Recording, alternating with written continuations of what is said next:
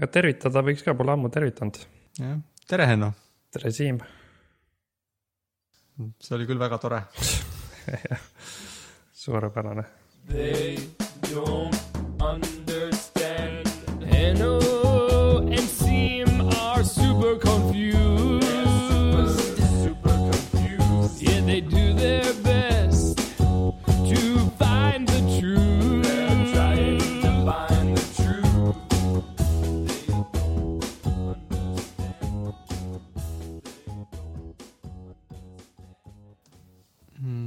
mm,. vist on küll kõik enam-vähem asjad tehtud, nagu midagi väga valesti ei saa olla. okei okay., mulle tundub, et mul on ka asjad valmis. ja väidetavalt lindistavad. mina sain meelde midagi lindi peale lindistasid. see on liiga ammu, et mäletada, see, ma ei ole üldse kunagi suur lindistaja olnud. Meritiga hiljuti rääkisime, kui ta rääkis, kuidas ta lindistas raadiost laule ja kassette ja kuidas tal oli vaja, kui tal oli lemmiklaul, siis ta lindistas seda kaks korda järjest. Mis tähendas seda, et ta ootas, kuni raadiosse laul uuesti tuli ja lindistas uuesti. ja enne kui ta midagi uut vahepeal lindistas. mm,. see võis päris lahe olla, et ma nagu see tunne, et sa said oma laulu kätte. praegu sihukest asja ei ole enam. vahepeal oli sihuke asi, et sa said mingi EP3-e lõpuks leidsid netist kätte, ega seda enam ka pole. Need on lihtsalt kõik olemas. ma ei tea, kas on kõik olemas, minu meelest on küll laule, mida ei ole võimalik või on raske leida ka. Ah, no võib-olla küll jah, ma see, ma seda selles mõttes ei tea, et ma, ma kuulan lihtsalt mida iganes Spotify ütleb, et ma võiks kuulata. ma ei, ma ei ole eriti otsinud midagi viimasel ajal. ei, seda küll jah, selles mõttes, et ma ka ei ole, aga ma mäletan, et ikkagi on siukse, on siukseid asju, mida, millest ei ole üldse seda MP3 ei eksisteeri nagu mitte kellelgi enam-vähem. olen kuulnud ka, kui on need, kes teevad mingit filmimuusikat või midagi, kuidas nad jahivad mingit seda laulu, mida nad teavad, et eksisteerib ja siis kuskilt otsivad, kellel oleks selle mingi plaat või midagi. ja seda ma olen ka kuulnud. Pool sellest on muidugi võib-olla mingid õigused, et sa saaks, saaks selle laulu õigused, filmi panna. aa ah, jaa, see on, kõlab nagu mingi podcast'i osa, kus nad ajasid õiguseid taga, et kas üldse keegi on, et raske oli üldse leida, kelle, kellega nad peavad rääkima, et saada õigusi mingi loo jaoks, mille nad said kuskilt second hand poest. et panna filmi sisse mm.. vaata, ma tahtsin kunagi oli, oli film, mitte see nüüd ei ole õigustega seotud, see oli lihtsalt laululeidmisega, vist mingisugune samurai film või midagi, kus oli cool soundtrack, aga see oli mingi Jaapani film ja mingi Jaapani äh, nagu helilooja ja mingi vana ka vist mingi kuuekümnendatest või midagi sellist. ja siis see, see, neid MP3-st leida oli küll ikka hull, hull, hull vaev. aga kas sa said need kätte? Lõpuks ma vist äh, sain, sest et ükskord keegi tuli online'i Soulseekis, kellel olid need ja siis ma kiiresti tõmbasin talt. aga see ilmselt isegi, ma arvan, kuna mina seda filmi vaatasin, siis ta küllap oli mingi natuke kultusfilm või midagi siukest, kus ma sellest üldse kuulsin. et kuskil listis ta oli olemas, et siis vähemalt ma arvan, kindlasti on veel nii palju siukest muusikat, mida, mis ei ole isegi, mis ei ole kuskil filmis olnud, mida on peaaegu võimatu leida online'ist. kindlasti on jah. see on täiega tobe tegelikult, et meil ei ole kõik digitaliseeritud juba. kõlab naljakalt, aga jah. Nii tobe, tobe, et kõike ei saa kätte. et keegi on läinud vaeva ja teinud selle muusika või filmi või raamatu, aga siis ta on kuskil raamatukogus ja riiulis. aga kui on veel inimesi, kes tahaksid ka seda kogeda, siis ei ole võimalikki. mm. -hmm. sellega mul tuleb meelde, et mingi Youtube'i kanal, mida enam ei eksisteeri, tegijad rääkisid, et nad alati, kui nad hakkavad midagi research ima, siis nad ei lähe internetti, vaid lähevad raamatukokku.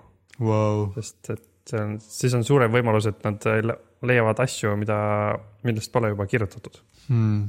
millest ei ole internetis kirjutatud. jah, ja mida kõik juba ei ole lugenud huvitav mõte. mm. -hmm, on ju huvitav. meil võiks rääkida mingisuguste inimestega, see oleks veel parem. või no ma ei tea, mingi eks-, eksperdiga, kes selle raamatu kirjutanud. jah ah,, ma kuulsin, et sa ütled, et me võiks rääkida mingisuguste inimestega. see kõlas ka huvitava mõttena. me võiks rääkida mingisuguste inimestega võiks küll. mm. -hmm.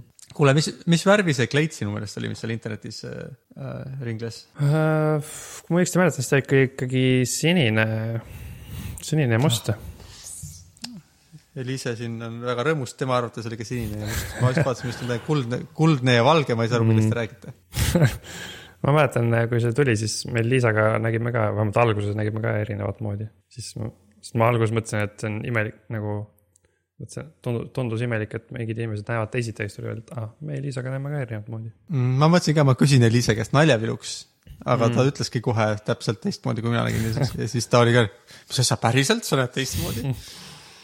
mm,. lahe, ma ei mäleta, millest see siis lõpuks olenes, kas iga inimese nagu natukene erinevast white balance'ist või, sest et noh, see on, see mul- mulle kui fotograafile tundub, et see asi on selles, et, et kui, kui ma läheks fototöötlusprogrammi ja valiks, et see sinine osa on tegelikult valge, siis ta nagu muudaks selle valgeks ja kuldseks. et siin, kui ma praegu seda pilti vaatan, siis mulle tundub ka, et siia nagu äh, see kontrast sellel pildil on nii nagu hele, et see must, see kleidi must nagu muutub selliseks kollakaks ja, ja tõenäoliselt see white balance on siis ka vale, ehk siis see valge muutub sinakaks.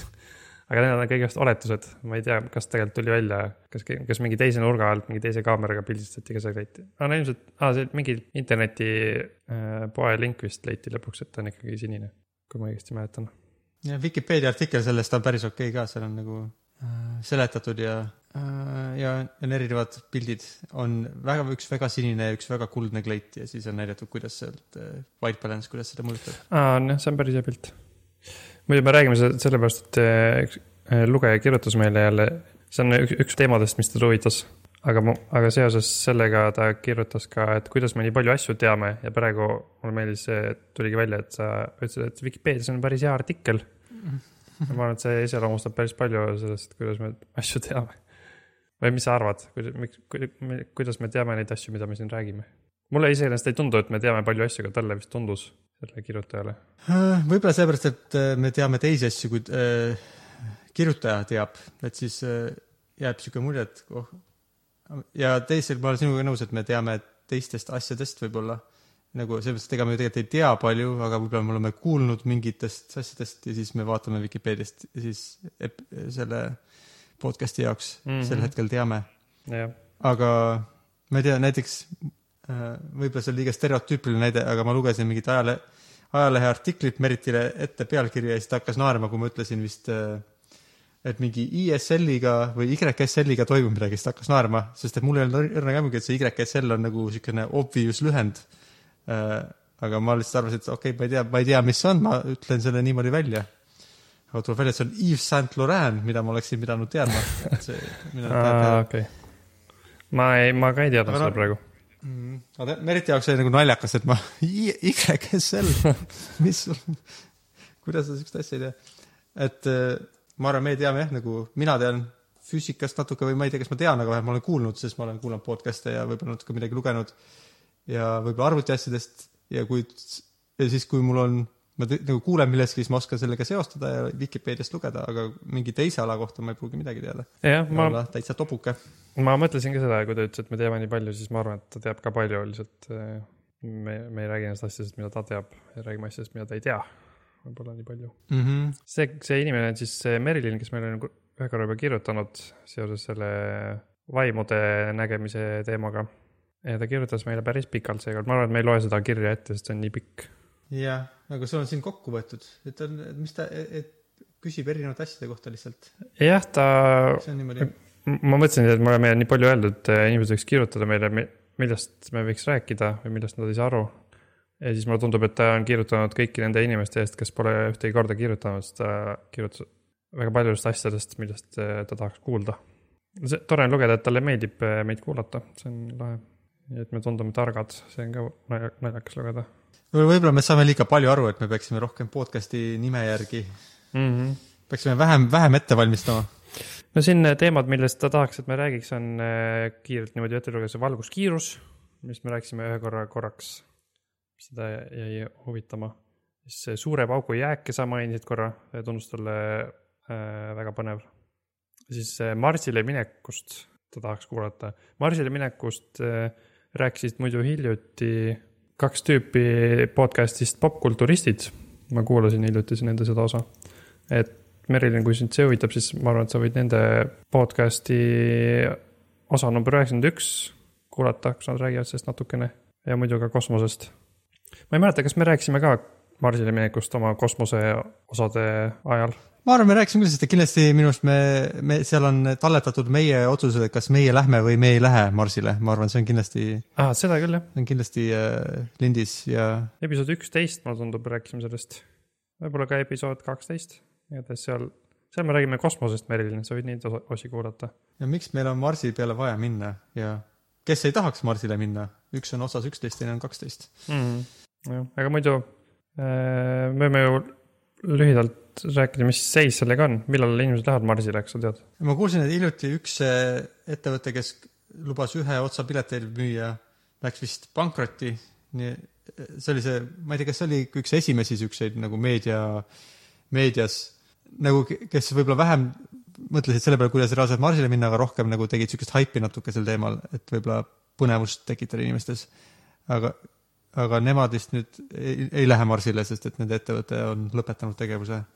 nii et sellest on kahju, aga päriselt, kas, millal tahavad minna astronaudid Marsile, see on vist nagu, nagu mõnekümne aasta jooksul või, kas on niimoodi?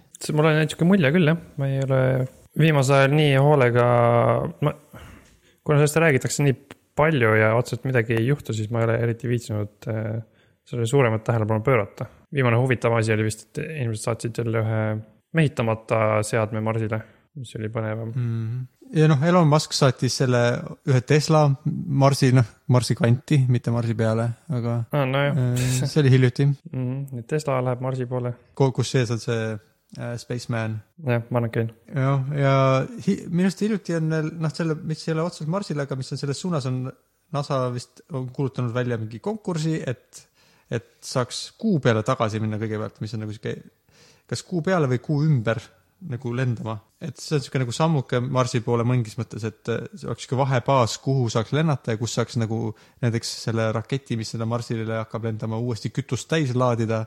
et ei peaks nii palju nagu maa pealt kaasa võtma ühe satsiga, Mm -hmm. et sihuke plaan jah, mulle tundub ka, et kuu peale vist jõutakse ilmselt varem, see on päris lähedal. jah, mõned inimesed arvavad ka, et sinna kuu peale võiks enne, et me võiks enne teha väikese majakese kuu peal, kus sees saaks äh, istuda ja teed juua. enne kui hakata, sest et kuu pealt sa saad paari päevaga tagasi, kui on nagu häda käes mm, Mhm. -hmm. aga et võib-olla ei peaks kohe Marsi peale minekust alustama. mulle meeldib see mõte, et, et võiks kuu peale teha nagu sellise mõnusa nagu bensujaama, kus sa saad saiakesi süüa ja kohvitada ja siis oma teed jätkata. põhimõtteliselt nii vist on nimetatud selle gateway'ks, selle, mis seal ümber lendama hakkab või mis on plaan, et ta on sihuke, et ta ongi rohkem nagu selleks, et sealt edasi kuhugi minna. bensujaama metafoor kõlab päris hästi, jah. muidu kuu peale mineku teemal väga, mulle väga meeldis film First Man. ma ei tea, kas sa oled näinud seda? ma ei ole seda filmi näinud see on siis Neil Arms-, Neil Armstrong oli ta nimi jah. mm. -hmm. see on sihuke, mulle meeldis see film, sest ta oli, ta tundus sihuke realistlik. et ehk siis mitte hullult põnev võib-olla neile, kes, keda ei huvita sihuke asi, aga mulle tundus see väga põnev, sest et see kuidagi pani mind rohkem mõtlema, kui ulmeline see üldse on, et inim-, mingi inimene võiks kuidagigi kuu peale jõuda. ja seal on ka näha, kui keeruline see tegelikult on, et see ei ole just nii, et sa lähed, istud raketti ja, ja isegi see, seda oli päris huvitavalt seal, mis huvitavalt, no tõenäoliselt realistlikult siis kuvatud. kuidas üldse on istuda mingisse raketti ja sellega lennata atmosfäärist välja, et äh, see tundub päris hirmus. seal nagu näitas, kuidas nad ronivad mingisse ülikitsasse metallist näidikuid täis ruumi ja siis pannakse neid sinna põhimõtteliselt lukku. mingi aeg varem ka inimesed pandi sinna kinni ja lukku ja siis äh, nad näiteks põlesid sinna sisse ära, et niimoodi võib ka juhtuda. Mm -hmm. mingi hapnikuleke oli.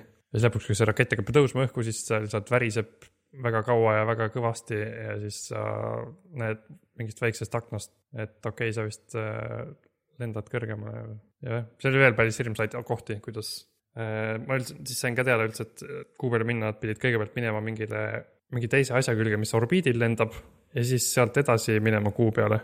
eks nad pidid mingi asja külge ennast kinnitama. minu meelest see oli, see asi oli neil ikkagi kaasas, nad lihtsalt keerasid ringi natukene Äh, oli nii jah? nii, nii palju, kui mina nendest, sellest Apollo missioonist tean, neil on nagu see command module ja lunar module ja nad peavad need kuidagi, kui nad jõuavad kosmosesse, nad peavad korraks lahti tulema, ringi keerama ja uuesti kokku minema, sellepärast et kui nad kuu peale maanduvad, siis see peab olema nagu kuidagi, et nad ei saanud selle kohe alguses õigetpidi panna, sest et niipidi ei oleks saanud sellega hästi nagu, ma ei tea, kas see oleks hästi sinna raketi sisse ära mahtunud või midagi sellist. mm,. okei okay., võib-olla jah, võib-olla ma sain millestki valesti aru. igatahes seal oli jah päris, et no mingid siuksed asjad, millest ma pole kuulnudki, et lihtsalt su see kosmoselaev hakkab kosmoses äh, nagu keerlema vaikselt. ja siis, kui sa ei saa selle üle kontrolli, siis see keerle-, keerlemine nagu aina kiireneb, sest mingi, mingi, kuskil on mingi leke ja siis sealt äh, läheb mingit äh, propellanti välja ja siis mm. -hmm. lõpuks nad olid, ma ei mäleta, mitmekordses G-jõus oma selle keerlemisega suhteliselt minestamise äärel ja siis kuidagi õnnestus vist saada kontroll tagasi, et väga huvitav film minu arust. mm.. ma tean, et nüüd kohe vist tuleb välja ka Apollo üksteist nimeline dokumentaalfilm, mis on vist äh,, ei ole nagu dramatiseering, vaid ta ongi nagu, et mingi filmistuudio filmis väga kõrge kvaliteediga seda, kui see programm toimus. sellest vist kunagi kas ei tehtud filmi või see film kuidagi ei olnud, ei levinud, aga nüüd siis äh, üks dokumentaalfilmi, kes ta on äh,, Todd Douglas Miller läks ja digitaliseeris kõik need äh, filmilindid ära ja tegi siukse dokumentaali äh,, mis on nagu väga kõr-, nagu tolle aja filmi kohta nagu väga hea kvaliteediga. noh, välja, välja arvatud need osad, mis on seal kosmoses selle nagu kosmoses lendamise ajal, sest et need on filmitud käsikaameratega nende astronautide endi poolt, aga aga kõik maakaadrid on nagu siukse tänapäeva mõttes juba, oh, see on nagu sihuke väga kõrge kvaliteediga film, mitte nagu et, et sobib nagu Blu-ray pealt vaadata küll, mm. -hmm. väidetavalt, ma ei ole näinud, aga i- räägitakse positiivsest toonist sellest. ma vaatasin seda treilerit ja see tõesti nägi väga hea välja, noh nagu sellised väga kaunid kaadrid nendest kontrollruumidest, kuidas inimesed seal askeldavad ja. sest ta oli tehtud hästi jah, kõrge kvaliteedi nagu suure filmi peale, ma ei mäleta, kas seitsekümmend viis millimeetrit on vist see filmi suurus, see on nagu hästi, põhimõtteliselt sihuke IMAX-i kvaliteet vist. mm. -hmm. aga kahjuks jah, mitte mitte seal kuu peal.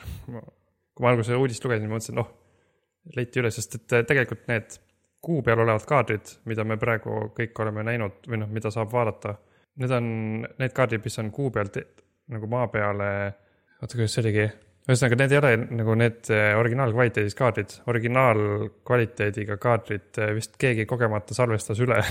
Oh, ja nüüd meil ongi ainult need broadcast'i, ühesõnaga nagu teleülekande kaardrid on alles. et, et kahjuks jah, need, mis kosmoses filmiti, on äh, nagu üle salvestatud äh, miskipärast. see on küll väga-väga tore.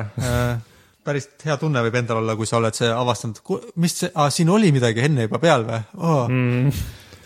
on mis siin peal oli? Vikipeedias on selle kohta artikkel ka, siis seal on sihuke äh, näidatud sihuke võrdlus, et mis vahe selle kvaliteedil on, see, see ei ole nagu, see teine originaalkvaliteet ei ole ka mingi hullult hea kvaliteet, aga ta on nagu noh, mingi poole parem kui see, mida, mida me oleme näinud. ma võin panna selle lingi pärast sinna märkmetesse. mõned on ikkagi päris suure erinevusega vist või? jah, see, mis nagu alles on, kui võrrelda, siis see, mis alles on jäänud, näeb välja nagu mingi kivisse raiutud või mingi sihuke. noh, see, mis alles on, näeb välja nagu keegi oleks filminud mingit halva kvaliteediga telekat mm -hmm. aga see, mis originaal on, on lihtsalt nagu sihuke vanaaegne. halva. kvaliteediga vanaaegne film jah? jah, ilmselt väga suurt vahet inimkonna jaoks ei ole, et need on kadunud, ma arvan, lihtsalt naljakas lugu ja veits kahju. mm..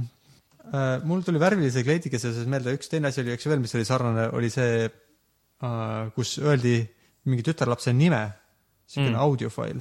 jah, kas sa seda mäletad, kuidas sa seda kuulsid? mäletan küll, ma mäletan, et ma kuulsin seda igatahes teisiti, kui Liisa kuulis seda jällegi.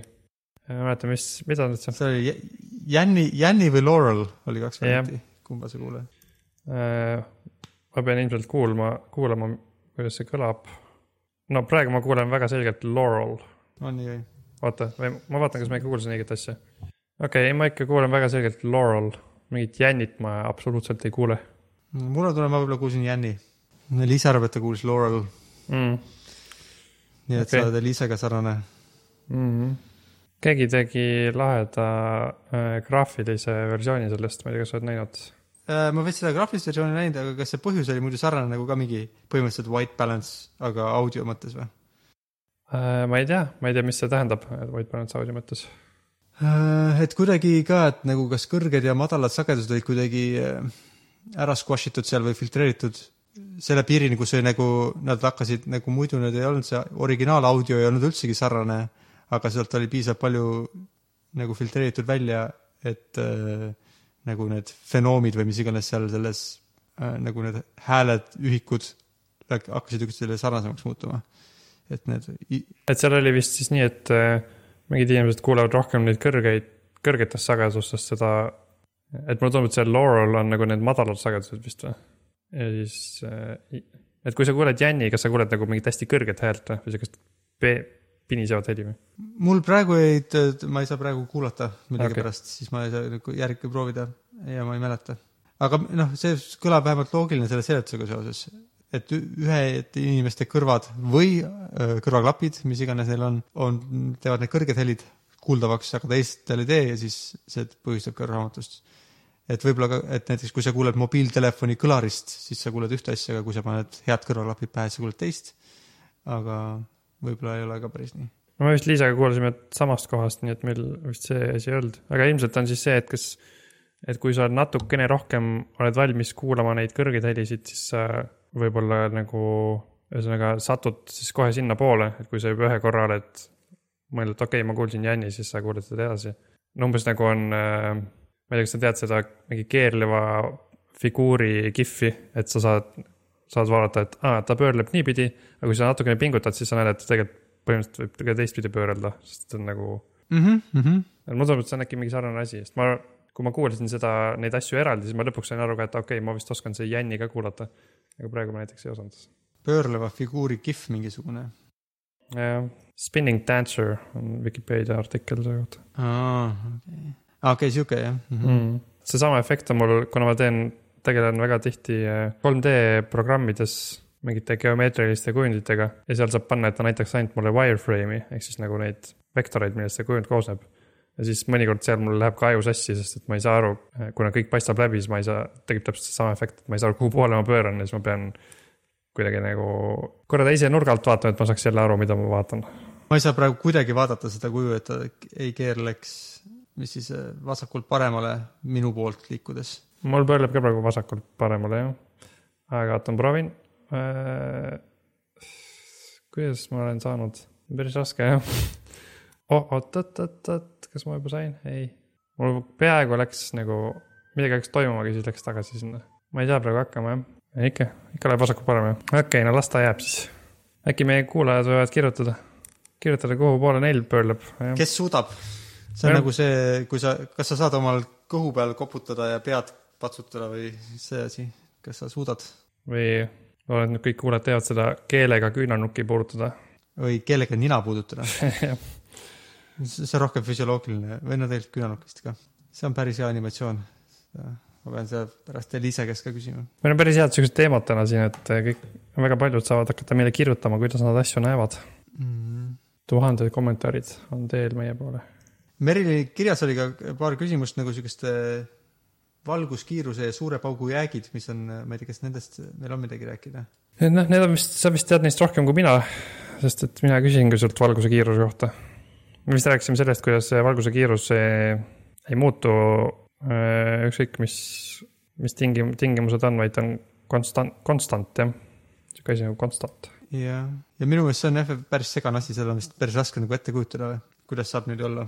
et me vist rääkisime sellest siis, et kui, et kui sa näiteks sõidad autoga ja võid, viskad autokastist kivi vastand, vastassuunas, et siis see kivi justkui eh, lendab topeltkiirusega või, või topelt või aeglasemalt. või ta- jah, kaks korda aeglasemalt, ehk siis see inimene, kes ei ole autos, vaid vaatab maa pealt, kuidas ma viskan selle kivi, siis talle tundub, et see kivi põhimõtteliselt koha peal, lendab üles lihtsalt natuke, kukub otse alla põhimõtteliselt. et horisontaalne kiirus nagu puu- puudub.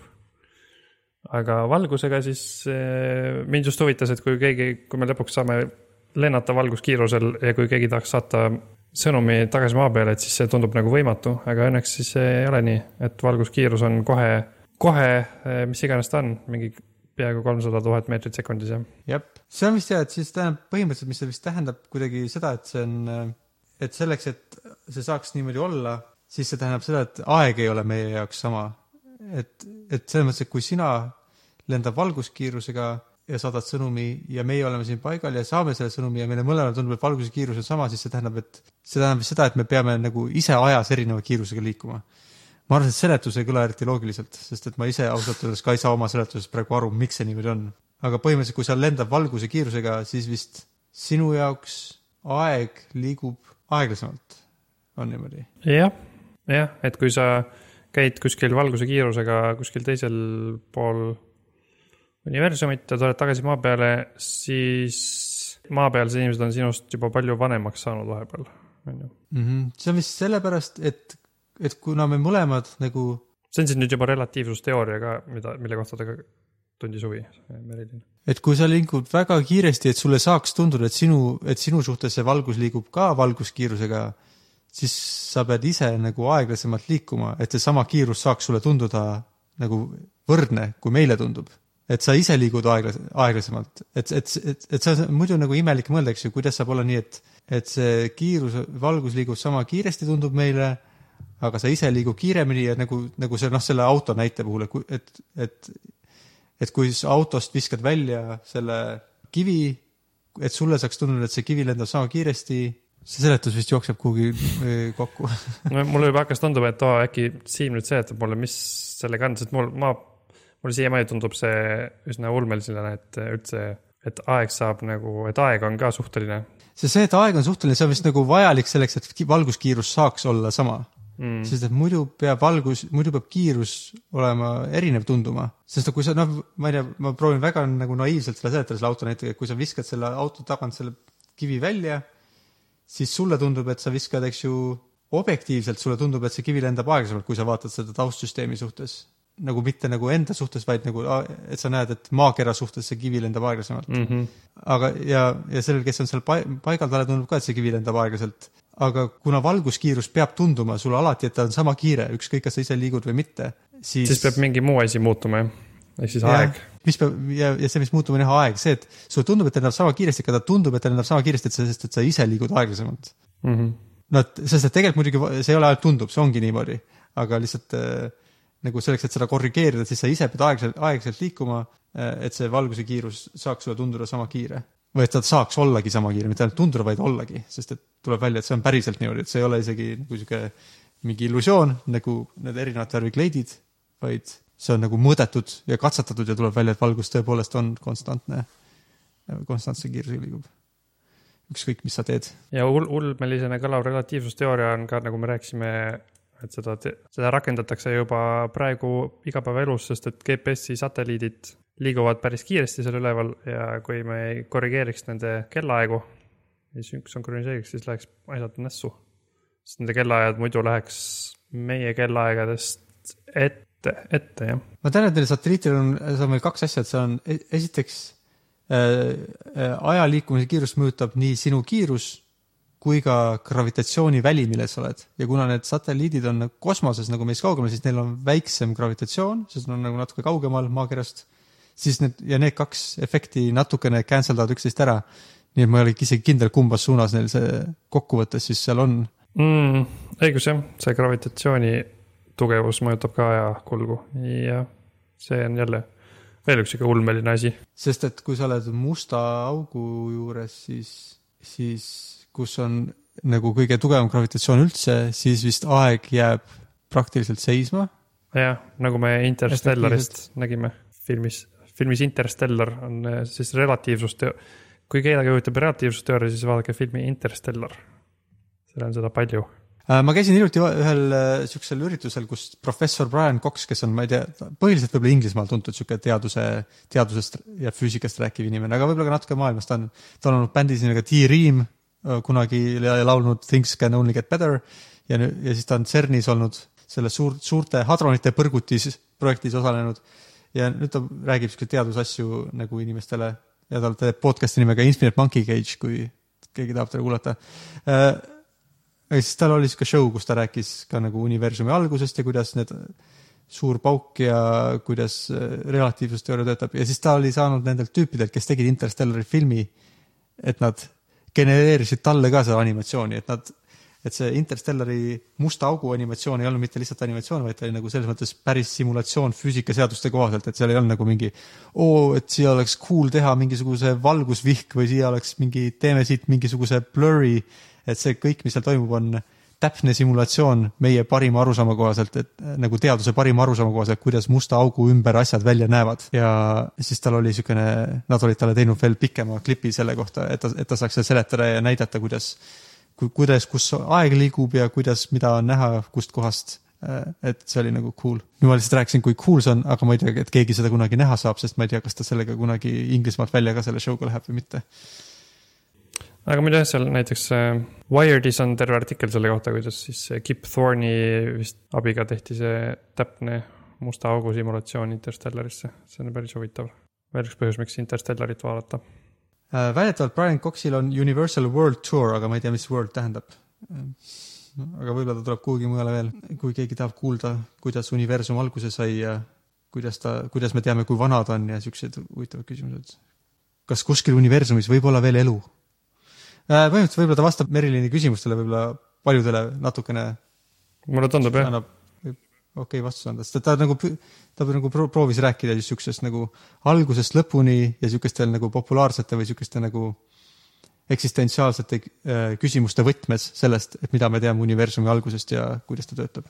nii, valguskiirusest on nüüd räägitud, suure, suure pagu jäägid, neist sa rääkisid korraks äh, põgusalt. Neist räägib ka, Brian räägib, vaat Briani tuurile, kus ta esineb. Manchesteris ja Sheffieldis ja Leedsis on tema World Tour, Nottinghamis, ta läheb Ameerikasse hiljem ka, Hongkong ja Singapur, Sydney, Melbourne, Helsingis üheksandal mingil asjal, oktoobris, üheksandal oktoobril on Helsingis. see on päris lähedal. Tallinnasse ka, Tallinnasse kahjuks tuleb Tamperes või Helsingis või Kopenhaagenis, Stockholmis on oktoob-, oktoobrikuus on võimalik minna teda kuulama, kui oleks väga suur tahtmine. okei okay., seda võib äh, meelde jätta siis. üks asi veel, mis Merilini huvitas, viskas sinna sisse ka kuu teine pool, siukse sõnade koosluse. sellega on Mm. kas see kuul asi, on ikka teine pool? kuul, kuul on kindlasti teine pool, aga see on täpselt samasugune või noh, seal ei ole midagi, mis tunduks huvitav, ma arvan. hiljuti, kõige huvitavam asi on see, et hiljuti hiinlaste äh, poolt saadeti sinna üks äh, väike kosmoselaev. jaa, mis selle kosmoselaeva kohta huvitavat on? seda ma ei teagi, ma alles tean, et nüüd, et nüüd on seal ka käidud. kuhu teine pool on avastatud minu meelest nad proovisid seal kasvatada midagi ah,. kas sa need, mingit taime, aga see vaene taim suri ära öösel, kui külmaks läks.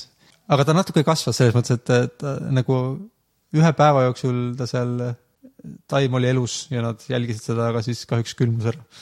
see oli jah, mul tuleb meelde asja, et kõlab natuke naljakalt, et nad sa- saatsid päris kalli raha eest mingi taime sinna. aga ma ei tea, kas nad siis ei mõelnud või nad ei, nad, neil polnud raha selleks, et seda ka varustada soojendusega, kui tal on külm. see tundub loogiline mõnes mõttes, aga ma ei tea, kas nad on öelnud, miks nad nii otsustasid teha või miks neil nii juhtus või radiaator ei läinud tööle, ma ei tea. minu meelest neile vist, p- minu mälu järgi neil ei olnud seal sihukest soojendust ette nähtud sellele jah. et küllap nad teadsid, et ta ära sureb, aga võib-olla neile piisas sellest ühest päevast, et nagu näha, kas ta seal, kas protsessid toimuvad või kas midagi huvitavat juhtub. aga kas ta nagu hakkas siis kasvama muidu? mulle tundub, et äh, ma ei tea, kuidas nad seda teavad, aga nagu räägiti sellest, et ta suri öösel ära, mitte sellest, et ta üldse ei kasvanudki, nii et nagu tundub, et neil oli mingisugune, midagi nad seal nä-, jälgisid või nägid võib-olla. no ma loodan, et ta siis ikka kasvas ka, et siis, kui me selle kohviku sinna teeme, et siis saab seal kasvatada ka ikkagi värskeid maitsetaimi. Äh, kuu teise poole kohta muidu ma tahtsin öelda, et, et midagi huvitavat minu arust on ka, et äh, see, et kuu on ju kogu aeg meie poole ühe küljega. kas Mhm. sa seda oled end- endale nagu mõelnud selle peale? seda ma tean jah, sellepärast ta ilmselt tundubki äh, huvitav, see kuu teine pool, et me kunagi ei, tegelikult ei näe seda. kunagi on ka vist öeldud selle kohta, et see on nagu kuu varjukülg, aga tegelikult ta ei ole varjukülg, tegelikult on lihtsalt see külg, mida me ei näe. jah, sest et kui on, kui on täiskuu, siis ta on tõesti varjukülg, aga kui parasjagu on äh,, no kuu on täitsa ära kadunud meie taevast ja on täitsa pime, siis on just see teine pool valgustatud, eks ju, on niimoodi. jah, või kui on kõige ideaalsem äh, seis on siis, kui on äh, päikesevarjutus, täielik päikesevarjutus, siis on kuu teine pool täielikult päikesega kaetud. mm,. jah, jah. Aga see, et ta on meie poole kogu aeg ühe poolega, tähendab seda, et ta tegelikult nagu, nagu äh, päikesest, no ütleme, mõnes mõttes on see teine pool erinev, sest et kuna üks pool on kogu aeg meie poole, siis meie poolt tulenevaid, tulevaid siukseid äh, asteroide ja asju, mis sinna vastu lendaks, on vist vähem, sest et nagu maakera kaitseb natuke selle kuu ühte poolt okay.. et, ta vist sealt tagantpoolt peaks olema tunduvalt rohkem ära äh, puruks pekstud ja augulisem, et see vist on nagu sihuke praktiline erinevus, mis on kuu meie poole ja teise poole vahel. okei, seda ma ei olegi mõelnud, natuke rohkem küraatoreid siis. et selle hiinlaste missiooni raames võib-olla oli sellest juttu, et sealtpoolt on veel rohkem nagu äh, äh, veel katkisem. et, et mõnes mõttes raskem maanduda või kohta leida või vaatame, kas ma valetan. ma vaatasin seda videot, kui nad maandusid sinna, siis ma, ma ise ei saanud aru, et oleks väga erinev, aga noh, tõenäoliselt siis on. no väga hea, siis ma sain ka teada midagi selle kuu teise poole kohta. hakkasin siin liiga targutama, et see on samasugune, see on igav. Tegelikult ei ole samasugune. mm. -hmm. Vikipeedia Far Side of the Moon'i artiklis on sihuke sektsioon nagu differences Mm. ja kraatrid on seal mainitud, et, et natuke teistmoodi on. muidu üks koht, kus ma tean veel, miks ma tean asju kosmose kohta on, sest ma vaatan siukest ühte Youtuberit, kelle nimi on Scott Manley, kes tavaliselt räägib. ta teeb pooleks niimoodi Kerbal Space Programmit mängib ja räägib, mida Tesla ja, või mitte Tesla, vaid äh, SpaceX ja NASA on viimasel ajal teinud või Blue Origin. Et sealt, sellepärast tean mina, mis toimub kosmoses hmm,. okei okay., et ma soo-, kui kedagi huvitab, siis võib minu meelest, ta on siuke lühikesed ja paar korda nädalas tal võib-olla on siuke kümneminutiline jutuke, kus ta võtab kokku, mis on toimunud viimasel ajal kosmoses ja, või Kerbal Space programmis, mis ta teinud on okei okay., see on siis sinu metroosõidukaaslane või? rongisõidukaaslane, uh,. mõnikord küll jah, mõnikord ma vaatan, mis ta räägib. okei okay.. Võib-olla ma siis vaatan ka kunagi, mis ta räägib, kui sa selle lingi sinna kuskile paned. Scott Manley võib küll panna jah. ja Kerbal Space program on muidugi väga tore, sest et äh, kui sa nagu, et aru saada sellest, kuidas kosmosesse lendamine toimub, sest et äh, kui on arvutimängu huvi ja kosmose huvi, siis minu arust see on väga huvitav kombinatsioon, et aa, see on mingi arvutimäng või? Kerbal Space program on arvutimäng jah. okei okay,, ma mõtlesin, et see on mingi kosmose nagu programm, nagu NASA-l on kosmoseprogrammid. aa ah, jah, Kerb-, jah, see on selles mõttes, et arvutimängu nimi on sellepärast Space Program vist jah. et see on nagu nende kerbalites, nad on siuke väiksed rohelised mehikesed, kes, kellega saab kosmosesse lennata. aga ta on siuke võrdlemisi realistlik nagu mäng, kus äh, saab ise oma neid kosmoselaevu ehitada ja saab proovida järjest, kas sa saad ikka, kas sa jõuad kosmosesse ja kui sa saad sellega hakkama, siis kas sa oskad ehitada siukse, millega saaks lennata nagu selle kerbalite äh, kuu peale ja maanduda sinna, sealt tagasi tulla, käia teistel planeetidel. ta on siuke võrdlemisi äh, realistlik ja terviklik mäng ja õpetab siukseid termineid nagu, et kuidas orbiidid toimivad ja kuidas peab, mis suunas peab kütust põletama, et kiiremini või kaugemale lennata ja, ja nagu selles mõttes kas see võiks siis nimetada nagu simulatsiooniks või isegi, noh, kuigi ta on sihuke mäng ja see on mehikesed, aga kuna ta on nii realistseks. no ta on absoluutselt, ta on absoluutselt simulatsioon jah, selles mõttes, et ta on ikkagi võ- võrdlemisi realistlik, ma arvan, maa atmosfääris on ta võib-olla natuke vähem realistlik, aga isegi seal neil on nagu, nad suudavad no, no põhimõtteliselt ütleme, et ma arvan, et raketid on natukene vastupidavamad Kerbal Space programmis, kui nad päris reaalses elus oleksid. aga okay. natukene ja niipea, kui sa nagu atmosfäärist välja jõuad, on ta, ma arvan, suhteliselt realistlik nagu, et sellega võib-olla ei planeeriks oma nagu marsruuti ma- Marsi peale päris inimeste jaoks, aga ta samad printsiibid ja üsnagi täpselt, ma arvan, töötaks. okei okay,, päris huvitav tundub see, siin ma vaatan praegu seda treilerit, see on päris äh,. palju valikuid saad teha siukseid, see on nagu graafiline osa sellel mängul ja siis on selline skeemi osa, kus sa saad äh, erinevaid plokke üksteisega ühendada ja vist ilmselt ehitada niimoodi oma asjade käiku. tundub huvitav jah. mm. -hmm. mul väga kahju muidugi, kui väiksed rohelised kerbalid äh, raketiga ellu ei jää, et siis on neist kahju, aga siis Mm. tuleb uus kerbal. selline on karm reaalsus. päris huvitav, see on, ah kahjuks see on PC-le, aga ma ei tea, äkki saab Steamiga osta Macile ka. aga ma olen suhteliselt kindel, et saab, see Linuxi peal töötab kindlasti, siis ma oleks üllatunud, kui ta ei tööta Aa, okei. okei okay,, päris lahe, lahe asi. mind huvit-, ma ilmselt kunagi elus mängin seda, aga ma ei tea, millal. Nüüd me oleme äh,, aa, maavälise intelligentse elu võimalikkusest äh,. oli huvitav see, et äh, Merilin sellesse eriti ei usu, et kui me siin rääkisime sellest, et ta ilmselt äh,, ta on kogenud vaimude kohtamist. ma üritan siis niimoodi korrektselt öelda. siis maavälise elu kohta, intelligentse elu kohta ta äh, ütles, et ta seda väga tõsiselt ei usu. Pean kahjuks, Brian Cox ütles mulle ka midagi sarnast seal äh, oma show's, nii et äh, Merilin on, tal on võib-olla õigesti otsustanud Konk. konkreetsemalt vist näiteks selle Brian Coxi kokkuvõte sellel teemal oli, et, et universumis tõenäoliselt on kuskil, aga universum on väga suur. võimalik, et meie galaktikas näiteks ei ole, et nagu ka teaduslikult on kahtlane, kas on meie galaktikas või mitte, et et maavälist elu võib olla palju et see põhiline argument oli vist see, et, et maakera on umbes neli miljardit aastat vana praegu ja siuksed ühe, ainurakne elu tekkis peaaegu kohe, kui maakera oli piisavalt külm, et siin enam nagu ära ei kõrbenud kõik, mis siin peal oli, siis nagu mõne saja miljoni aasta pärast tekkis siin elu, et ütleme, et elu on võib-olla natuke kolm ja pool miljoni, miljardit aastat vana maakera peal. aga et sellest, no see on siis nagu neli miljardit, kolm koma pool miljardit, aga et tekiks mit, nagu mitmerakuline elu või sihuke asi, mida me nagu äh, meie elusolenditeks võiksime hakata nimetama varsti, et mitte nagu bakterid, vaid mingid loomakesed, siis see algas vähem kui miljard aastat tagasi, et võib-olla kaheksasada või kuussada miljonit aastat tagasi. nii et, et, et see oli nagu keeruline samm, et jõuda ainuraksest elust mitmerakse eluni. ja noh, siis selleks, et äh, tuleks intelligentne elu, selleks oli veel lisaks peaaegu miljard aastat, eks ju, või noh, kaheksasada miljonit või kui, kui kaua nüüd meie oleme arenenud no et kuna meil on ainult üks näide, siis see muidugi on nagu raske öelda, kas see ongi nii, kuidas nagu asjad käivad universumis, aga selle ühe näite alusel võiks oletada, et siukseid ainurakseid organisme on väga palju igal pool, sest et need tekkisid maakera peal kohe, kui nagu võimalus avanes. aga võib-olla väikseid nunnusid karvaseid loomakesi on võrdlemisi vähe ja intelligentseid vähem või rohkem karvaseid loomakesi võib-olla on ainult äh, mõned üksikud. mm. -hmm. seda ma, seda ma ka usun, et, et kindlasti, tähendab jah, ma ei saa öelda kindlasti, tõenäoliselt meie ega võib-olla ka kogu inimkond kunagi ei näe mingit maavälist intelligentset elu. aga et kogu universumis, mis on hoomamatult suur, ma arvan, et kuskil midagi võib-olla on. nii. sest et meie galaktikas on nagu mitusada miljonit äh, tähte, eks ju, mille ümber, enamike nende ümber on planeedid. Mõningatest need planeetidest peaksid olema nagu maakeral sarnased vähemalt natukene, rohkem või vähem, kus on vett ja enam-vähem normaalne temperatuur. ja sest need on ju nagu mil-, mitusada miljonit äh, sihukest tähesüsteemi ja siis see tähendab, et on võib-olla mõnikümmend miljonit sihukest planeeti, kus võiks olla äh, meiega sarnane elu ja peale meie galaktika on veel mingi triljon galaktikat universumis.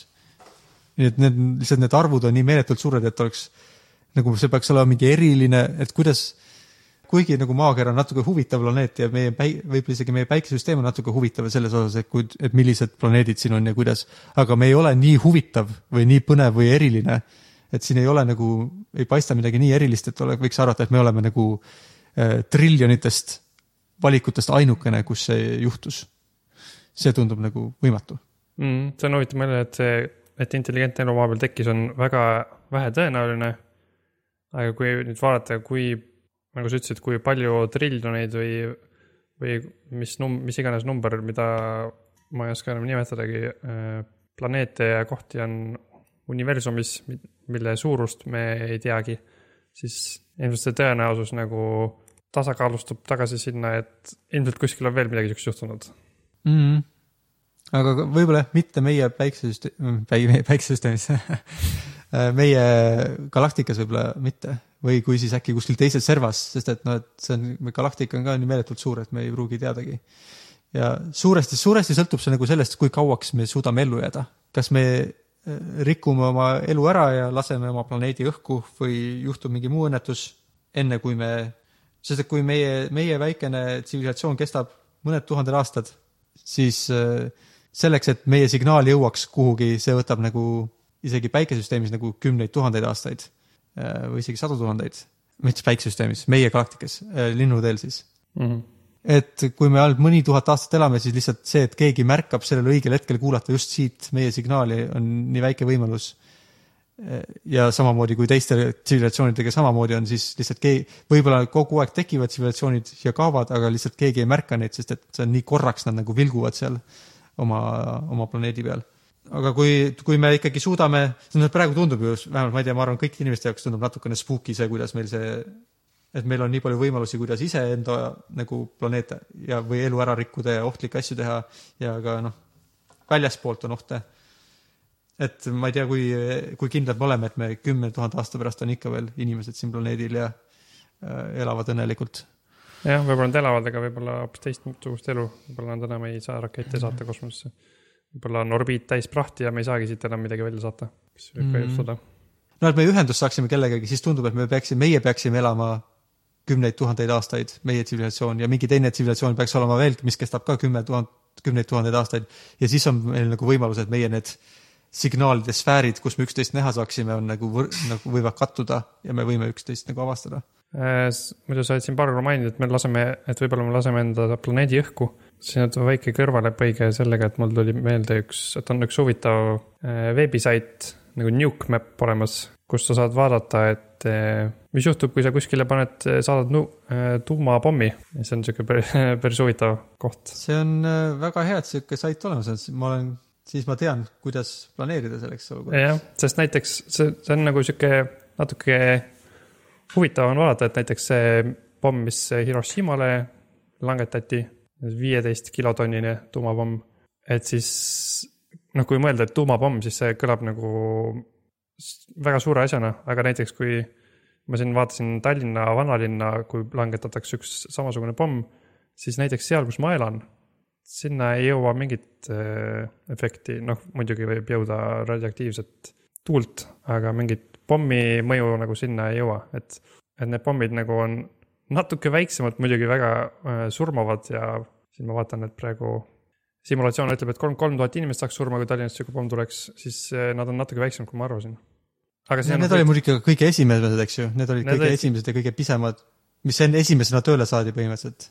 ja just, sest et äh, siin on, erinevus on selles, et kas on lihtsalt aatompomm või on äh, vesinikpomm, et siis need asjad lähevad nagu palju suuremaks.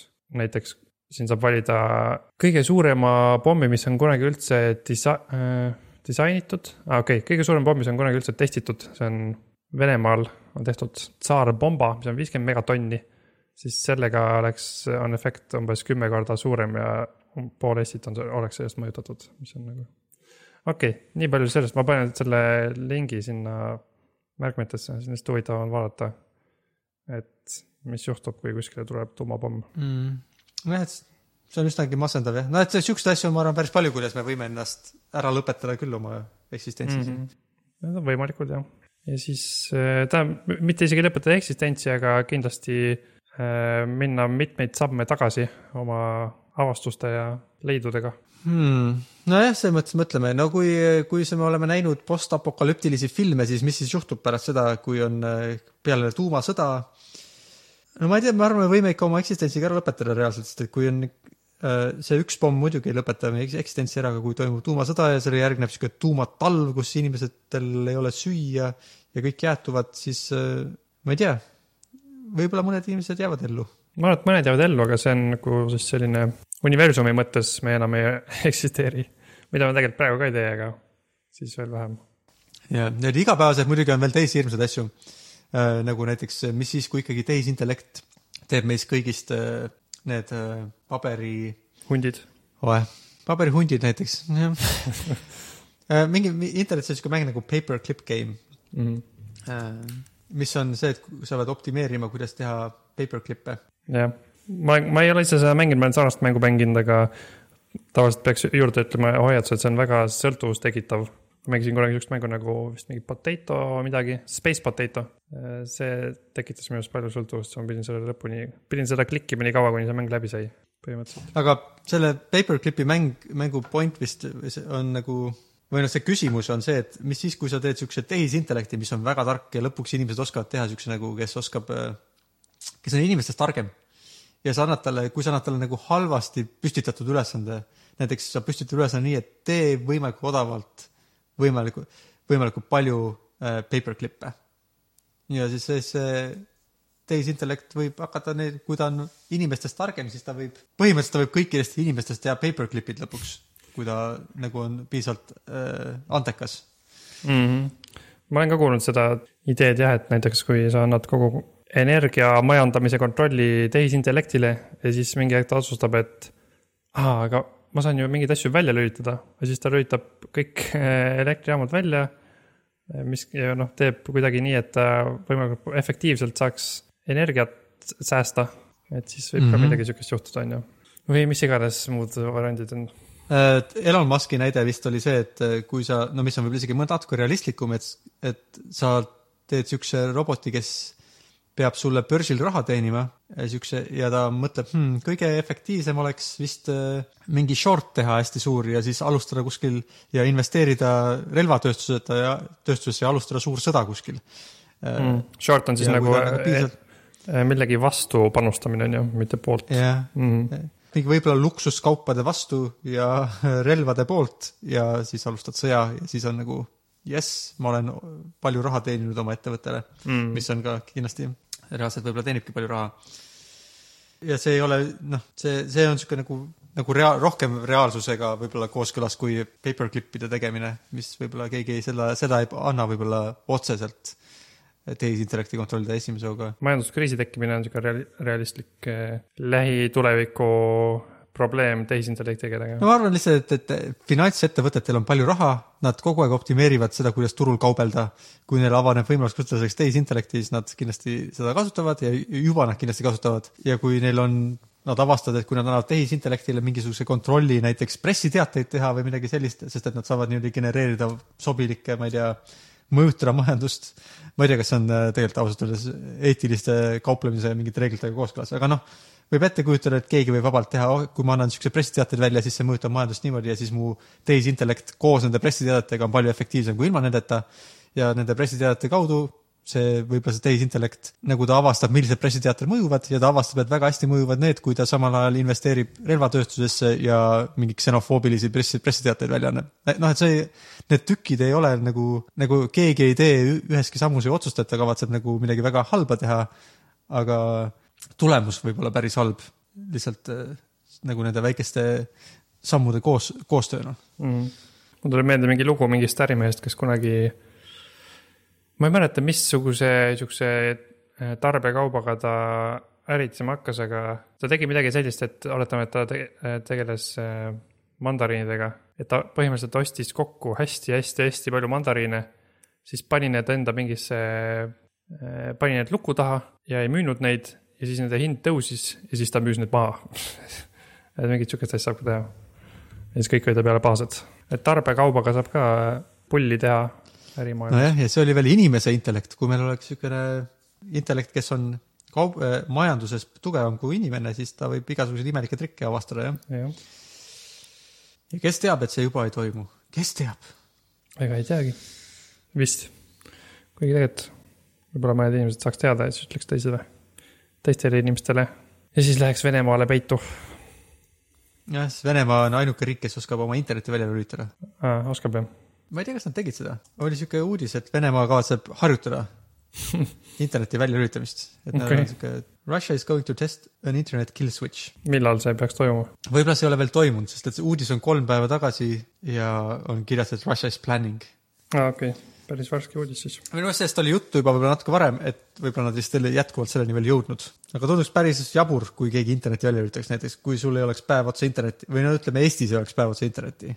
tunduks päris jabur jah riigis. ma arvan, et mul oleks nagu okei okay,, iseenesest saaks hakkama, aga, aga teenused on need, millega tekiks probleeme, ma arvan. erinevad teenused, logistika. see on natuke nagu, üks päev on jah siuke natuke nagu, et sa, kui sa sukeldud vee alla, siis sa saad ilma hapnikuta ka olla natuke aega ja hinge kinni hoida.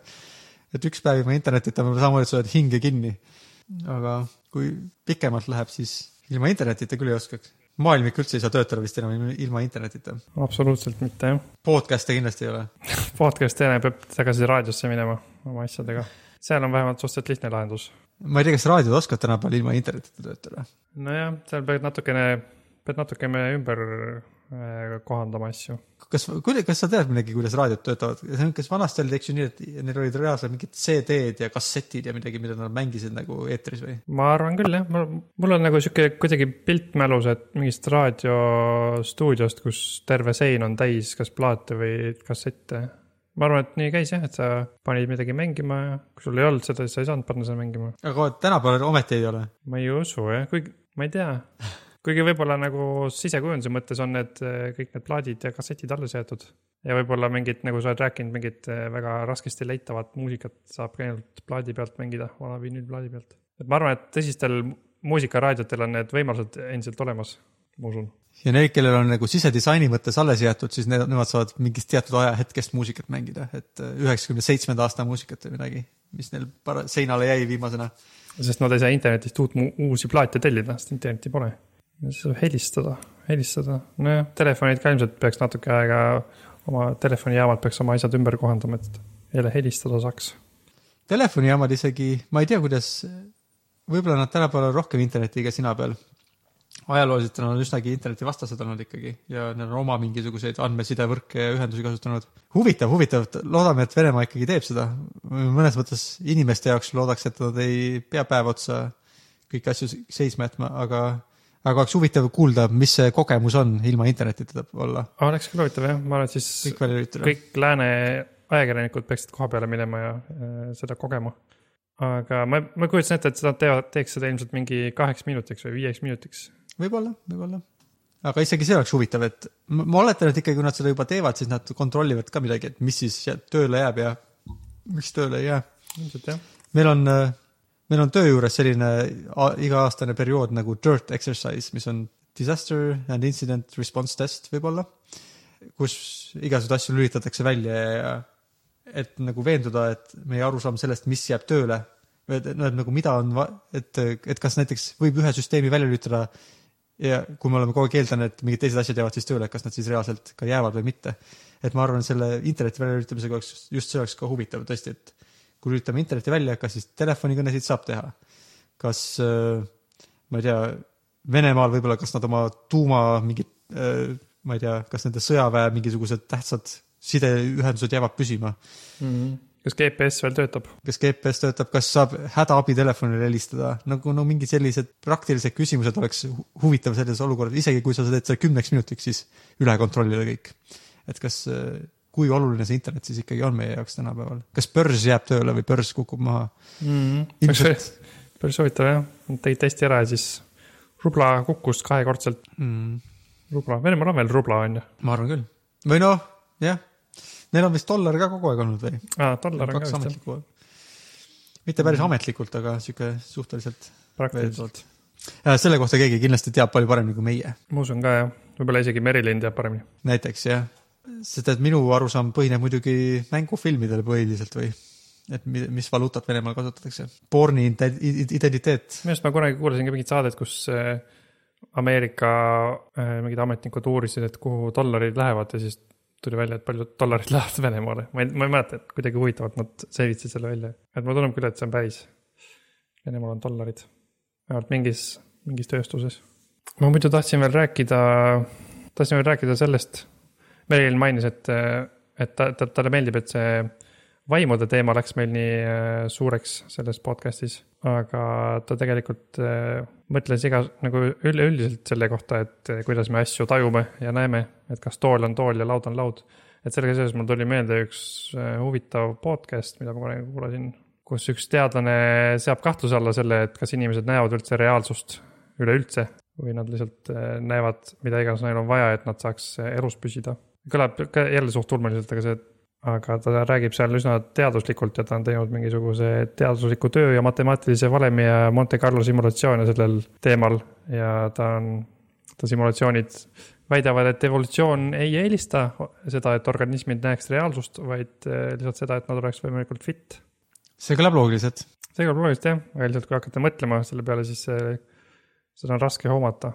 mulle tundub, samas mulle tundub päris kahtlane, et, et, et need, kes ei näe reaalsust, et nad oleks väga fit reaalsuses toime tulema. see, ma ma tahaks ka, et see kõige kahtlasemalt kõlab just see, et mis seal simulatsioonis tal siis täpselt toimus, ta ütles, et seal tema erinevad organismid nägid siis täielikku reaalsust, natuke reaalsust ja mitte üldse reaalsust ja siis tuli välja, et ei ole absoluutselt vaja näha reaalsust. organismid, kes näevad reaalsust, ei suuda kunagi paremini ellu jääda kui need, kes ei näe üldse reaalsust ja keskenduvad fitness'ile. talle, mulle meeldis üks metafoor, mida ta kasutas selle kohta, et, et see, mida me näeme, on nagu sihuke kasutajaliides et kui nagu tuua arvuti metafoor, et kui sa desktop'il näed äh, ikoone ja sa kirjutad seal emaili, et siis sa ju tegelikult tead, et see ei ole, et tegelikult need emailid, tegelikult see ikoon ei asu siin ekraani peal. jah, ta söötas, kasutas ka sihukest metafoori, et, et meie see taju on lihtsalt nagu see interface, desktop. Nagu me siin selles, selles osaski oleme rääkinud aegruumist, et ta arvab, et kogu see aegruum on tegelikult sihuke meie aju konstrukt, et kogu see kõik need, kõik, kogu füüsika ja aatom, aatomiteni välja, elektroniteni välja on lihtsalt sihuke interface, mis võimaldab meil siis näha piisavalt äh, asju piisav, täpselt nii, nagu meil on vaja, et me saaks ellu jääda. Et äh, noh, et noh, et kui sa hakkad, ta tõi ka näite jälle see metafoori põhjal, et kui sa hakkad emaili kirjutama, siis sul ei ole vaja nagu teada, mis seal arvuti sees toimub, sul ei ole vaja neid mingeid väikseid signaale seal ükshaaval sisse-välja lülitada. sul on lihtsalt vaja, et see email ära kirjutada ja selleks sa kasutad seda kasutajaliidest, kus sa, kus sa ei näe reaalsust, vaid sa näed lihtsalt neid asju, millega sa saad teha neid asju, mida sul on vaja teha. jaa, aga sel-, mina selle metafoori peale edasi mõeldes, aga kui sa saadad seda nagu see kasutajaliides näitab sulle, sa saatsid emaili, aga ta tegelikult ei saada seda emaili teisele inimesele või kui ta näitab sulle ikooni mingi asja jaoks, mida sul tegelikult seal arvutis ei ole ja see ei tööta, siis nagu üsnagi kiiresti teised inimesed lõpetavad sinuga suhtlemise ära emaili teel ja kui su, ma ei tea, maksude saatmise aplikatsioonis tegelikult ei saadagi makse või et siis tulevad inimesed ja viivad sind kodust minema või võtavad su vara ära. et selles mõttes mulle tundub, kui see ei ole reaalsusega kuidagi seotud, see kasutajaliides või no vä- üsna otseselt seotud, siis see on suht kasutu. et, et ja see, kui ta juba räägib, et füüsika on nagu kasutajaliides, siis see kõlab juba päris ulmeliselt. nojah, ta rääkis nagu selles mõttes, et, et see peab olema nii palju seotud reaalsusega, et, et see peab nagu selles mõttes loogika peab olema päris. Et kui äh, sa tead umbes, et kaks õuna annab sulle enam-vähem topelt fitnessi kui üks õun, et siis nagu mingi loogika on, peab olema päris või et kui sa annad teisele äh, inimesele nagu asju, et siis sa ootad, et ta annaks vastu ja noh, mingid sellised asjad mm, -hmm. ta arvab, et äh, no kuna tema asjad ka põhinevad matemaatikal, siis ta, siis ta nagu seda oletab ja usub, et matemaatika ja loogika on äh, reaalselt olemas. aga, aga ta teadustöö põhjal ta oletab, et äh, aeg-ruum on äh, kasutajaliides. nii veider kasutajaliides ja meil kõigil samasugune, huvitav. no see on veider jah, no see on, ta seal rääkis ka seda, et, et see standardne, see evolutsiooni äh, teoorias see rea-, reaalsuse nägemine on nagu praegu aru, aru saadud, sellest on praegu aru saadud nii, et ilmselt sellised esivanemad jäid ellu, kes nägid nagu aina täpsemini reaalsust ja noh, nüüd me peaks nägema kõikidest kõige täpsemini reaalsust. see on sihuke huvitav, noh minu jaoks on jah ikka ikkagi sihuke mõtteharjutus või selline asi, et mul on, mul on ka raske seda päriselt uskuda ta ise mainib seda ka, et võib-olla on asi lihtsalt selles, et inimesed ei ole võimelisedki aru nagu sellisest kontseptist aru saama, et me ei näe reaalsust, sest et see on, tundub nagu, et see ei ole ju mõistlik. me näeme asju, mis on päriselt olemas. selle kohta ma tean, et reaalsed inimesed ka ei näe muidugi reaalsust, selles mõttes, et on täiesti siuksed asjad, kus äh, sa nagu näed, et asja nägemine on nagu koostöö sellest, mis signaal su silmadesse tuleb ja sellest, mida su aju ootab, et ta näeks. et on mingid näited sellest, kus näiteks ma hiljuti kuulsin äh, Skeptics Guidesi podcast'is räägiti äh, näitest, kus mingid äh, Ameerika lennuväepiloodid vist nägid, et oo, midagi lendab seal aknast, nägid, et oo ja niimoodi nii kiiresti edasi-tagasi ja kuidas ta saab nagu nii teravad manöövrid, et saab mingi, mis ufo see on, on ju, arutasid seal omavahel. Ja enam-vähem juba olid nagu valmis nagu otsustama, et okei okay,, nad nägid, et nad nägidki, kuidas ufo lendab seal ja täiesti uskumatud, uskumatud asjad ja siis nad said aru, aa ei, et nad arvasid kogu aeg, et see on kuskil kaugel, lendab mingi asi hästi kiiresti ja teeb järske pöördeid, aga tegelikult see oli väga lähedal, nende akna taga tuule käes lendas mingi sulekene. lihtsalt kuna noh, nad nagu ootasid oma perspek-, nad olid harjunud nägema objekte, mis lendavad kaugel, siis nad nende aju tõlgendas seda kui äh, nagu mingit kos-, mingit kosmoselaeva või midagi, mis kuskil kaugel lendab. aga niipea, kui nad nägid, et see on mingi suleke, mis tiirleb, siis aa, okei okay,, nojah, et natuke nagu võib-olla see tantsija animatsioon, eks ju. Et mida sa, kuidas sa interpreteerid seda ja see on kindlasti, et me näeme kogu aeg asju valesti, et kui sa ootad midagi nä- näha, siis ja see on natukenegi selle moodi, mida sa ootasid, siis su aju juba ütleb, okei okay,, see ongi see. ja sa näed nagu siukseid detaile, mida võib-olla päriselt ei eksisteerigi selle pildi juures. aga see, et sa nagu näeksid midagi täiesti, mis on nagu, ei ole seotud reaalsusega ja suudaksid ellu jääda reaalsuses, see tundub täiesti, kuidas see võimalik on. et ma ei saa aru, et, et, et, et mida siis peaks olema, et kui, et milline siis päriselt reaalsus peaks olema, et meie ajul on otstarbekas, et kõige fitim kasutajaliides on see, mida me näeme, aga reaalsus on tegelikult midagi hoopis teistsugust. et miks peaks olema otstarbekas meile näidata midagi täiesti, saan, ma saan, ma saan aru, kui detailid võivad erineda. et võib-olla ta jätab kõrvale mingeid detaile, mis ei ole tä- tähtsad, võib-olla ta võimendab mingeid detaile, mis ta arvab, et on tähtsad, aga tegelikult ei pruugi olla tähtsad ja selles mõttes petab meid. aga miks ta peaks meile midagi täiesti teistsugust näitama, kui mis päriselt eksisteerib, sellest, seda, seda nagu, nagu ta ava- mõtleb välja mingi muinasjutumaailma, mis on hoopis teistsugune kui reaalsus aga selles muinasjutumaailmas elamine on nii efektiivne, et me päris reaalsuses käitume ka optimaalselt. et kuida-, et et see on ka see osa, kust mul on nagu raske sellega kaasa minna, et ma lihtsalt ei, ei suuda mõelda välja nagu, kuidas see peaks nii äh,, jah, nagu sa ütlesid, kuidas ja miks see peaks nii olema. aga see, ma võib-olla seletan ka natuke kuidagi halvasti, miks, mida ta üldse räägib, David Hoffman on see, kellest ma räägin, et ta, ta see põhiline asi, millest ta alustas, oli see, et, et inimesed ei ole teinud see teadvuse uurimises üht, nagu põhimõtteliselt ühtegi sihukest, ei ole mingit progressi teadvuse, inimese teadvuse uurimises mm. ja siis ta arvas, et võib-olla, võib-olla asi on selles, et äh, seda ei saagi seletada äh, sellega, et kuidas elektronid meie neuronites liiguvad, et kuidas need elektronid meie neuronites liiguvad ja tekitavad äh, šokolaadimaitset meie pähe, et ja siis ta mõtles, et et tema teooria on see, et me peaks alustama sellest, nendest kogemustest, mis meil on peas nagu. Mm. lõhnad ja maitsed ja asjad ja, ja siis sealt edasi minema, et mitte niimoodi, et füüsikast alustama ja siis sellega üritama seletada teadvust, vaid ta arvab, et peaks minema vastupidi, teadvusest ehk siis nendest päris asjadest, maitsed ja emotsioonid ja asjad. ja siis nendest, nendest minema edasi, ma täpselt ei tea, kuidas ta ette kujutab, et mis see, et mis see tulevik siis on sellisel kujul, aga, aga ühesõnaga ta, see mõte oli jah, et ta arvab, et me oleme teinud vale, valesid oletusi. et me oletame, et me näeme äh, reaalsust. et ma tahtsin tegelikult rääkida, et ma sellest see osa ei räägi, sest ma pean hakkama lõpetama, aga noh, nüüd me vist enam-vähem rääkisime ära juba. Lihtsalt need äh, lingid on meil siin äh, olemas, siis inimesed võivad ise ka kuulata seda.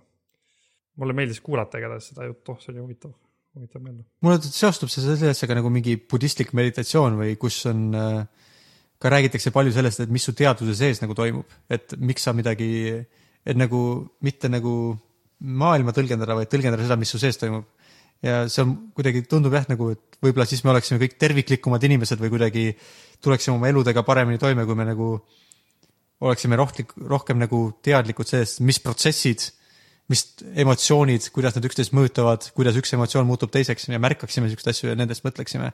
et see tundub küll huvitav nagu suund, millest väga vähe ju tegelikult nagu noh, välja arvatud siukses jah, mingi, kui sa oled mingi meditatsiooni või mingi siukses äh, natukene võib-olla isegi kergelt siukse nagu äh, spiritualistliku maiguga asjaga tegeleda, et siis, siis võib-olla räägitakse siukestest teemadest, aga mitte väga niimoodi vähem nagu teaduslikult äh, räägitakse siukest asjast või uuritakse. mm. -hmm. jah, et ta jah rõhutaski seda, et, et tema see teoreem või, või kuidas ta nimetas, et see on nagu põhineb matemaatilistel mudelitel ja simulatsioonidel ja ta teadustöö on kõigile kättesaadav ja ta, et ta põhimõtteliselt ta ootabki, noh, ta nagu ütles ka seal, et ta loodab, et tal, ta on teinud mingi vea ja siis keegi saab selle välja, saab öelda, mis vea ta tegi ja siis ta saab selle kallal uuesti tööle hakata, aga praegu veel keegi ei ole talle suutnud midagi vastupidist tõestada, aga aga võib-olla see on natuke raske asi ka, isegi kui sul on matemaatiliselt justkui korrektselt midagi näidatud, siis see on nii võõras teema, et seda on võib-olla raske kuidagi ümber lükata, ma ei tea, ma ei tea, ma ei ole, ma ei ole lugenud tema teadustööd ja ma ilmselt saaks sellest aru. kas peaksime proovima lugeda ja järgmiseks korraks siis teaksime? võiks proovida, sa võid vaadata, kas sa saad aru, ma ei ole veel ka vaadanud. Võiks vähemalt proovida läbi, selles mõttes, et üks asi, mis mulle tundub, et võiks natuke proovida rohkem nagu ju päriselt, kui keegi midagi väidab siin, et ta on midagi avastanud, et siis proovida läbi lugeda vähemalt. tavaliselt need ei ole väga pikad. väikse arvamuse peaks võib-olla juba mingi poole tunniga peaks saama natukene, okei okay,, kas see kõlab natuke loogiliselt või kõlab imelikult. ma, ma proovin, kui ma leian siit sellest äh, su lingist üles selle artikli, siis vaatame, mis ta siis räägib jah, ma panen sulle mingi tema kodulehe lingi, siis äkki sa sealt leiad. Okei Mhm, okei. okay., aga ma siis kahe nädala pärast kuulan, mida sa aru said tema jutust. me vist ei peaks sult rohkem enam ühtegi küsimust küsima. oleneb, oleneb jah küsimusest, kui sisukas see on. see võib-olla ei ole väga sisukas, et ka, kas sa Eesti, Eesti Lauluks oled juba oma laulu ette valmistama hakanud või ei ole? Äh, ma olen natuke rohkem tegelenud muusika tegemisega.